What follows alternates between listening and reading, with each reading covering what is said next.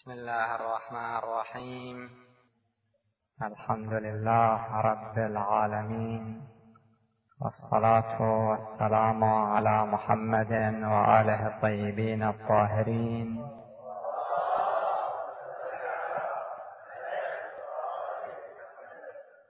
ولعنة الله على أعدائهم أجمعين إلى يوم الدين. قال الله تعالى في كتابه الحكيم ذلك الكتاب لا ريب فيه هدى للمتقين الذين يؤمنون بالغيب ويقيمون الصلاة ومما رزقناهم ينفقون. صدق الله العلي العظيم. يوم الاثنين القادم يصادف على ما هو المعروف. يوم التاسع من شهر ربيع الأول.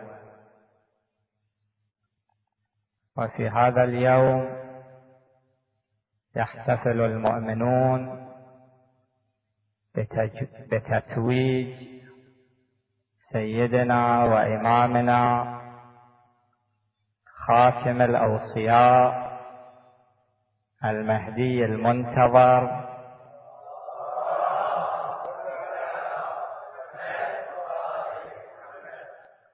عجل الله تعالى فرجه.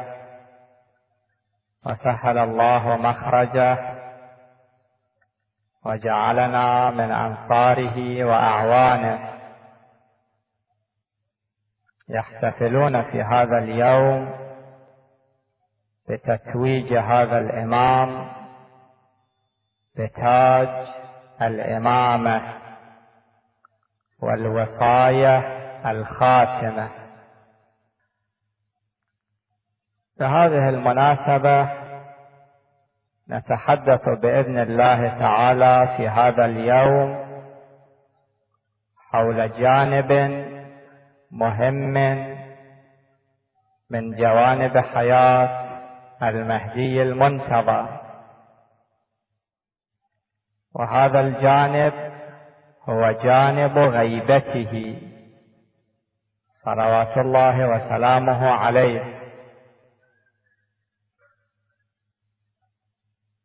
ولكن قبل أن ندخل في هذا الموضوع لا بأس أن نشير إلى مقدمة. وهذه المقدمة هي أن العلماء يقسمون أسماء الله الحسنى إلى قسمين. قسم من هذه الأسماء. يعم الأسماء الحسنى كلها. وقسم من هذه التقسيمات يختص ببعض الأسماء دون البعض الآخر.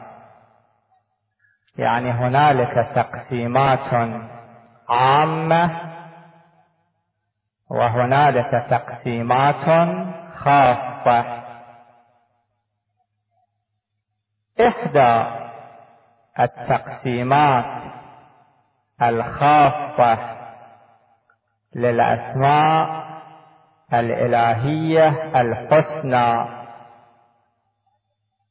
أن هذه الأسماء تتنوع إلى نوعين. النوع الأول ما يشير إلى جهة الظهور والبروز في الذات الإلهية.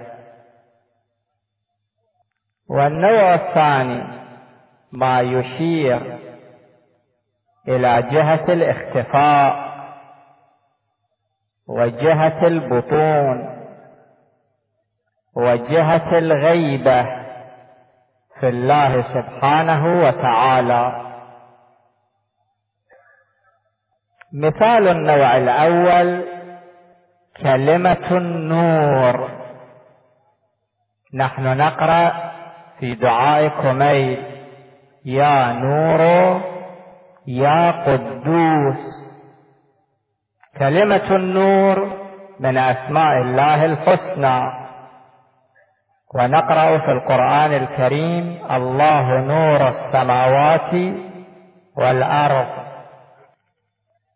هذه الكلمة كلمة النور تدل على جهة الظهور في الله سبحانه وتعالى. هنالك اسم آخر من أسماء الله الحسنى. تدل على هذه الجهة. وهذه الكلمة هي كلمة الظاهر. الله سبحانه وتعالى ظاهر. الله تعالى يقول هو الأول والآخر والظاهر. وإذا قرأتم دعاء الجوشن دعاء الجوشن الكبير في ليالي شهر رمضان في ليالي الإحياء. نجد أن إحدى أسماء الله أو صفات الله كلمة الظاهر يا ظاهر. الله سبحانه وتعالى ظاهر في كل مكان وفي كل شيء. وإذا واحد ما رأى الله سبحانه وتعالى هذا يدل على أن هذا الإنسان فاقد للبصيرة وفاقد للبصر. في دعاء عرفة الإمام الحسين صلوات الله عليه يقول عميت عين لا ترى. في كل شيء في كل موجود الله سبحانه وتعالى ظاهر. هذا النوع الأول من الأسماء الإلهية الحسنى. النوع الثاني الأسماء التي تدل على جهة الاختفاء. هذه قضية عجيبة وتحتاج إلى وقت آخر.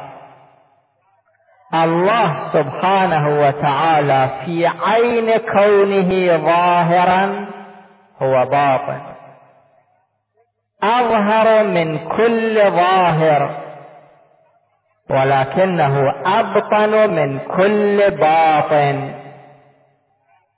هنالك أسماء لله سبحانه وتعالى تشير إلى هذه الجهة هو الأول والآخر والظاهر والباطن. وفي دعاء الجوشن نقرأ يا ظاهر يا باطن. هذان أسماء اسمان متقابلان من أسماء الله سبحانه وتعالى. فإذا لله سبحانه وتعالى أسماء تدل على جهة ظهوره وله أسماء تدل على جهة بطونه. من أسماء الله أو من صفات الله سبحانه وتعالى أيضا التي وردت في الروايات كلمة الغائب. الله تعالى غائب. هنالك حديثا في بحار الأنوار مروي عن أمير المؤمنين عن رسول الله صلى الله عليه وآله في صفات الله تعالى وغائب غير مفقود باطن وغائب ولكنه غائب غير مفقود موجود في كل مكان ظاهر في كل أوان. كما أن لله سبحانه وتعالى أسماء تدل على هذه الجهة. وأسماء تدل على تلك الجهة. كذلك وهذا هو محل شاهدنا. الله سبحانه وتعالى له أولياء يمثلون جهة ظهور الله سبحانه وتعالى. يتجلى فيهم اسم الله الظاهر. وله أولياء أيضا. يمثلون الجانب الآخر من أسماء الله سبحانه وتعالى. أنبياء وأولياء يمثلون الظاهر وأولياء وأنبياء يمثلون الباطن. أولياء وأنبياء يمثلون النور يعني كلمة النور. وأولياء وأنبياء يمثلون كلمة الغائب التي هي اسم أو صفه لله سبحانه وتعالى.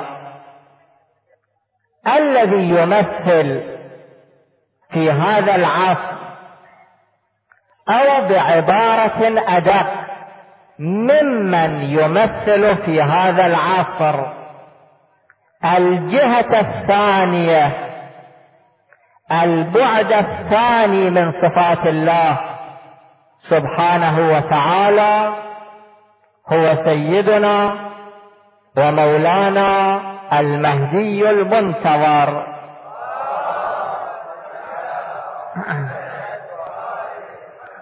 الله تعالى هو الغائب والمهدي المنتظر هو الغيب. الله تعالى يقول الذين يؤمنون بالغيب. ما هو هذا الغيب؟ الغيب له مفهوم واسع. ومن جملة مصاديق الغيب المهدي المنتظر. ولذلك في رواية يرويها المحدثون عن الإمام الصادق صلوات الله وسلامه عليه يقول والغيب يعني في هذه الآية الذين يؤمنون بالغيب هو الحجة الغائب. الله تعالى هو الغائب والحجة المنتظر هو الغيب الذي يمثل تلك الجهة وذلك البعد من أبعاد أسماء الله سبحانه. سؤال. هل اختص المهدي المنتظر بهذه الحالة؟ لأنه عندما يطرح هذا البحث على الآخرين أن هنالك إماما غائبا ربما يكون غريبا كيف يكون إماما وهو غائب؟ كيف تنسجم الإمامة التي تعني قيادة الأمة مع الغيب؟ إذا إمام يجب أن يكون حاضرا. وإذا كان غائبا فكيف يكون إماما؟ هذا المفهوم مفهوم الغيبة. هذه الحالة هل تفرد بها الإمام المهدي؟ الجواب كلا. الإمام لم يتفرد بهذه الحال على امتداد التاريخ كان هنالك أنبياء وأولياء يمثلون البعد الأول من أسماء الله تعالى. وعلى امتداد التاريخ كان هنالك أنبياء وأولياء يمثلون البعد الثاني. كان هنالك أولياء مشهورون ظاهرون. وكان هنالك أولياء مغمورون. مستترون. نمثل ببعض الأمثلة. المثال الأول. يونس عليه الصلاة والسلام. يونس كان نبيا. وإن يونس لمن المرسلين. ولكنه في بعض المراحل كان ظاهرا. وفي بعض المراحل كان مستترا. يعني يونس عندما استتر عندما ذهب إلى البحر والتقمه الحوت بعد اختفى عن الناس انقطعت علاقته بالناس. عندما اختفى يونس سقط عن مرتبة النبوة بعد لم يعد نبيا. وذنون هذه الآية التي نقرأها في صلاة الغفيلة. وذنون إذ ذهب مغاضبا فظن أن لن نقدر عليه. فنادى في الظلمات أن لا إله إلا في الظلمات. ولكنه وهو في الظلمات وهو منقطع عن العالم وهو منقطع عن أمته. هذا المقام مقام النبوة كان محفوظا وكان باقيا. هذا المثال الأول. وهذا قرآن. ما يتمكن واحد يناقش في القرآن الكريم. المثال الثاني موسى على نبينا وآله وعليه الصلاة والسلام. غاب عن أمته في صلاة ذي الحجة نقرأ وواعدنا موسى ثلاثين ليلة وأتممناها بعشر. فتم ميقات ربه أربعين ليلة. أربعين ليلة كان منقطع اختفى عن أمته.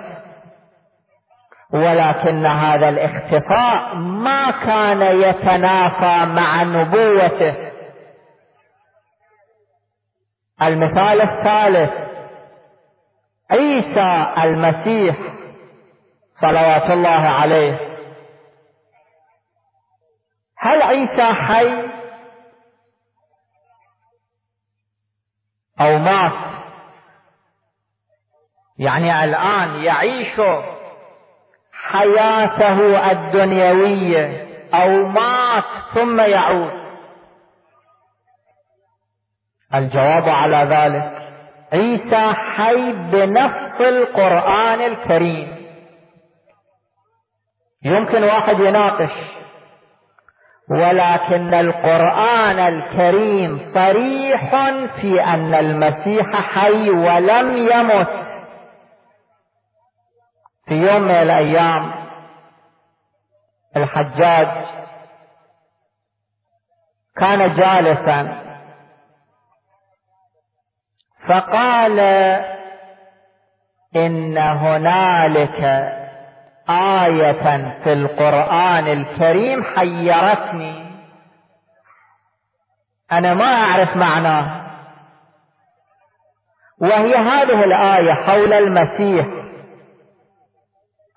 وإن من أهل الكتاب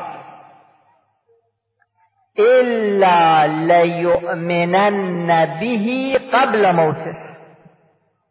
جميع أهل الكتاب قبل أن يموتوا. يعني لا يوجد يهودي في شرق الدنيا وغربها إلا وهو يؤمن بالمسيح قبل أن يموت. الحجاج قال هذا خلاف الواقع. لأن إحنا نقتل أفراد يهود ولا يؤمنون بالمسيح قبل موته. يهودي يموت على يهوديته فما هو معنى هذه الآية؟ كان واحد قاعد يقال له شهر. قال له مو هذا معناه. هذا الشيء الذي تصورته مو معنى هذه الآية. الضمير لا يرجع إلى أهل الكتاب. وإنما يرجع إلى المسيح. يعني وإن من أهل الكتاب إلا ليؤمنن به قبل موته. يعني قبل موت المسيح قبل ما يموت.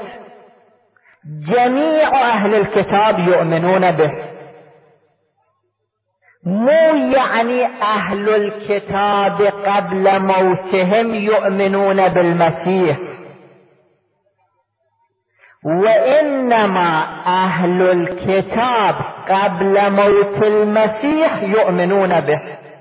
وإن من أهل الكتاب إلا ليؤمنن به قبل موته.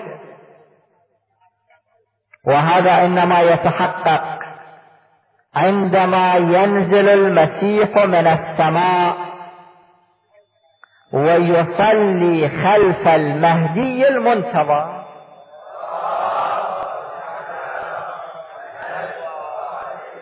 جميع أهل الكتاب الموجودون في ذلك الوقت يؤمنون بالمسيح ويؤمنون أيضا بالمهدي صلوات الله عليه.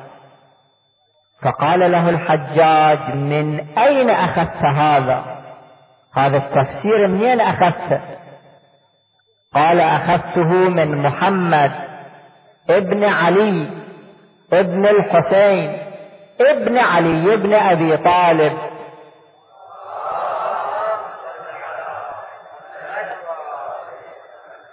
يعني الإمام الباقر صلوات الله عليه. فقال الحجاج أخذته من عين صافية من المنبع أخذت الذي لم تشبه شوائب. فإذا يونس كانت له فترة اختفاء موسى كانت له فترة اختفاء المسيح بنفس هذه الآية الكريمة له فترة اختفاء. الآن هذه الفترة ممتدة حوالي ألفي عام. الخضر الذي هو نبي من أنبياء الله أو ولي من أولياء الله. أكو خلاف بين المفسرين. الخضر الآن يعيش في هذا العالم. الآن نحن فقط لا نعتقد بذلك حتى العامة يعتقدون بذلك. هذا النبي أو الولي يعيش إلى الآن بوجود مادي. يعني مو ذهب إلى عالم آخر إلى عالم مجرد. لا في هذا العالم. يعيش ببدنه ولحمه وعظمه ودمه. وعندنا في الأحاديث أنه يحضر في كل مكان يذكر اسمه. يعني في أي مجلس في أي بيت في أي محفل ذكرتم اسم الخضر فهو يحضر فهو حاضر. ولذلك أكو في الروايات إذا ذكرتموه فسلموا عليه. قولوا السلام عليك أيها الخضر. هذا موجود إلياس وإن إلياس لمن المرسلين. إلى الآن موجود. موجود في هذا العالم. وفي كل عام الخضر وإلياس يحضران الحج.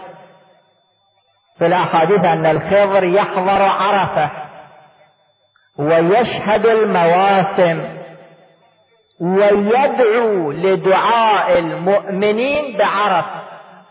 يحضر المؤمن عندما يدعو في عرفة الخضر يؤمن على دعائه اذا في الواقع هذه ظاهرة في حياة الأنبياء والاولياء هذه الظاهرة لا تختص بالمهدي المنتظر. عجل الله تعالى فرجه. حتى واحد يجي يتعجب كيف يكون إمام غائب؟ كيف يعيش إمام وهو غائب؟ لا. هذه ظاهرة متكررة في حياة الأنبياء والأولياء. ننتقل إلى الفاصل الثاني. نذكر ملاحظات عابرة حول الغيبة. الملاحظة الأولى. الغيبة ذات طرف واحد. وليست من الطرفين. يعني هو غائب عنا. ولكن إحنا مو غائبين عنه. نحن لا نراه. ولكنه يرانا.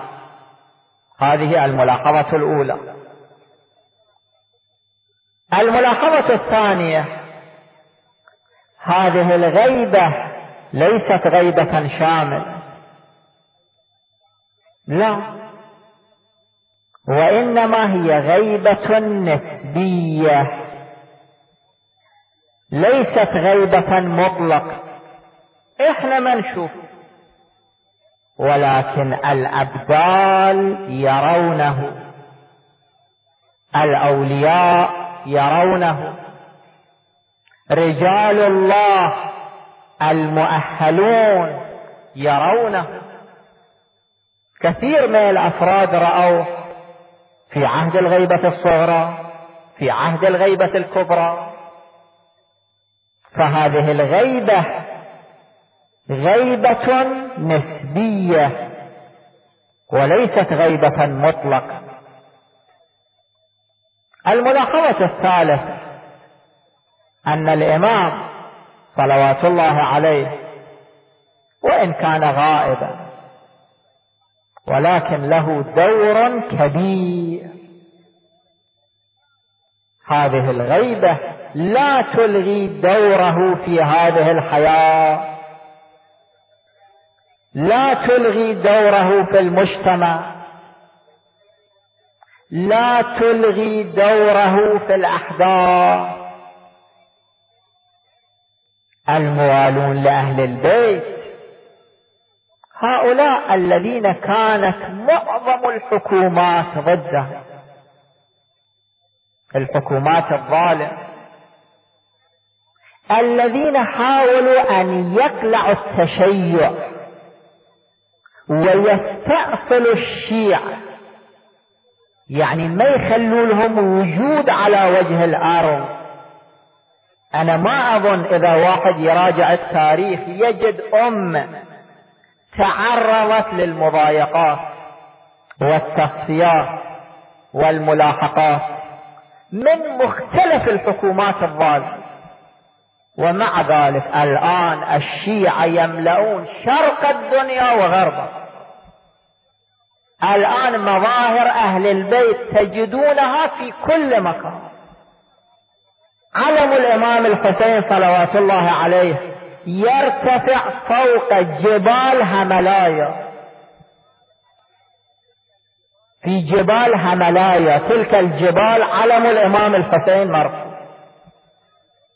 وفي ثلوج القطب الشمالي الآن هاي مو قضية تاريخية. علم الإمام الحسين مرفوع. كما نقل لي أحد الإخوة هذه القضية وتلك القضية. أنه رأى بعينه علم الإمام الحسين فوق جبال هملان ورأى شخص آخر هذه القضية الثانية أنقلها بالواسطة. علم الإمام الحسين وحسينية الإمام الحسين في القطب الجنوبي. وما بينهما يملأ نداء الإمام الحسين المشارق والمغارب. هذه الأمة كيف حفظت؟ إذا ما كانت عناية المهدي المنتظر إذا ما كان دوره في الأحداث ما كانت هذه الأمة تحفظ. ما كان هذا العلم يبقى مرفرفا. ولذلك في رسالته إلى الشيخ المفيد يقول لولا أننا غير مهملين لمراعاتكم ولا ناسين لذكركم لاصطلمكم الأعداء. يعني قلعوكم من جذوركم. بعد ما كانت تبقى قائمة لموالي فوق هذه الأرض. أنقل قضية واحدة؟ قضايا في هذا المجال كثيرة. ومن الضروري حقيقة أن تكون في بيوتنا كتب حول الإمام المهدي. صلوات الله عليه. نطالعها أولادنا يطالعوها بناتنا يطالعون هذه الكتب. الثقافة المهدوية لازم تعمر قلوبنا وعقولنا. هذه القضية ينقلها أحد تلاميذ العالم المشهور المرزا مهدي الإصفهاني. كان عالم كبير ونقلت لكم قبل أعوام قضية تشرفه بلقاء المهدي المنتظر. كان في مشهد وتلاميذه الآن موجودين في مشهد وفي غير مشهد. هذا العالم ينقل عن أستاذه المحقق النائني. المحقق النائني ما يحتاج إلى تعريف أستاذ الفقهاء. هذا العالم المشهور. والذي له الفتوى المشهورة في الشعائر الحسينية المطبوعة. هذه القضية تتعلق بالمحقق النائمي رحمة الله عليه. يقول في فترة من الفترات هاجم الكفار إحدى بلاد المسلمين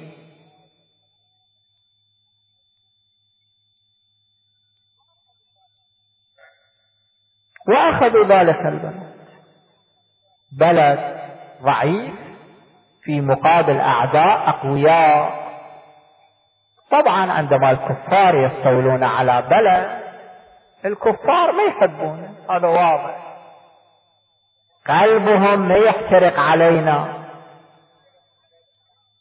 لا يرضون منا إلا أن يردونا عن ديننا.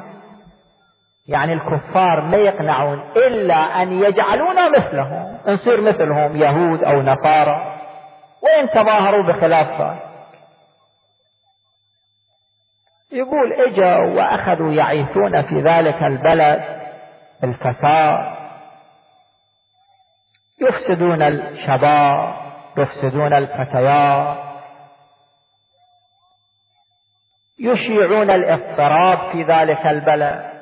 يدمرون ذلك البلد. فأنا هواي تأثرت وأخذت أتوسل برسول الله والأئمة المعصومين وبالإمام الحجة صلوات الله عليه لكشف هذه الغمة عن هذه الأمة. يقول في يوم من الأيام كنت في حالة توسل بالإمام المهدي وإذا بي أجد في عالم المكاشفة. عالم المكاشفة مو معناته عالم النوم لا عالم آخر. عالم ثاني يختلف عن عالم المنام. رأيت أن الإمام المهدي صلوات الله وسلامه عليه واقف وبجانبه جدار يشق عنان السماء يقول فجأة رأيت أن هذا الجدار أوشك أن ينهار. يعني راد يسقط ولكنه لم يسقط. يقول فأشار إلي المهدي. وقال انظر إلى هذا الجدار. هذا الجدار هو ذلك البلد. الجدار يكاد أن ينهار. ولكن هذا البلد بلد شيعتنا. وبلد موالينا. ونحن لن ندع هذا الجدار يسقط. يكاد أن يسقط. يقول أعوج الجدار. ولكن لم يسقط. نحن نحافظ عليه بإصبعنا. هذه العبارة.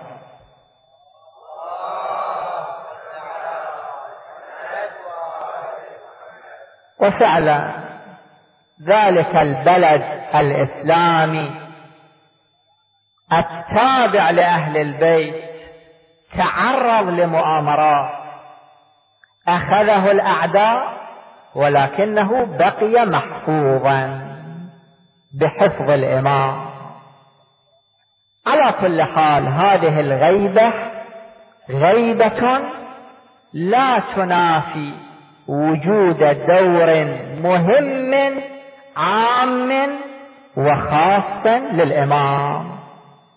نسأل الله سبحانه وتعالى أن لا يحرمنا من فيضه ورحمته ولطفه وعنايته. وصلى الله على محمد وآله الطاهرين.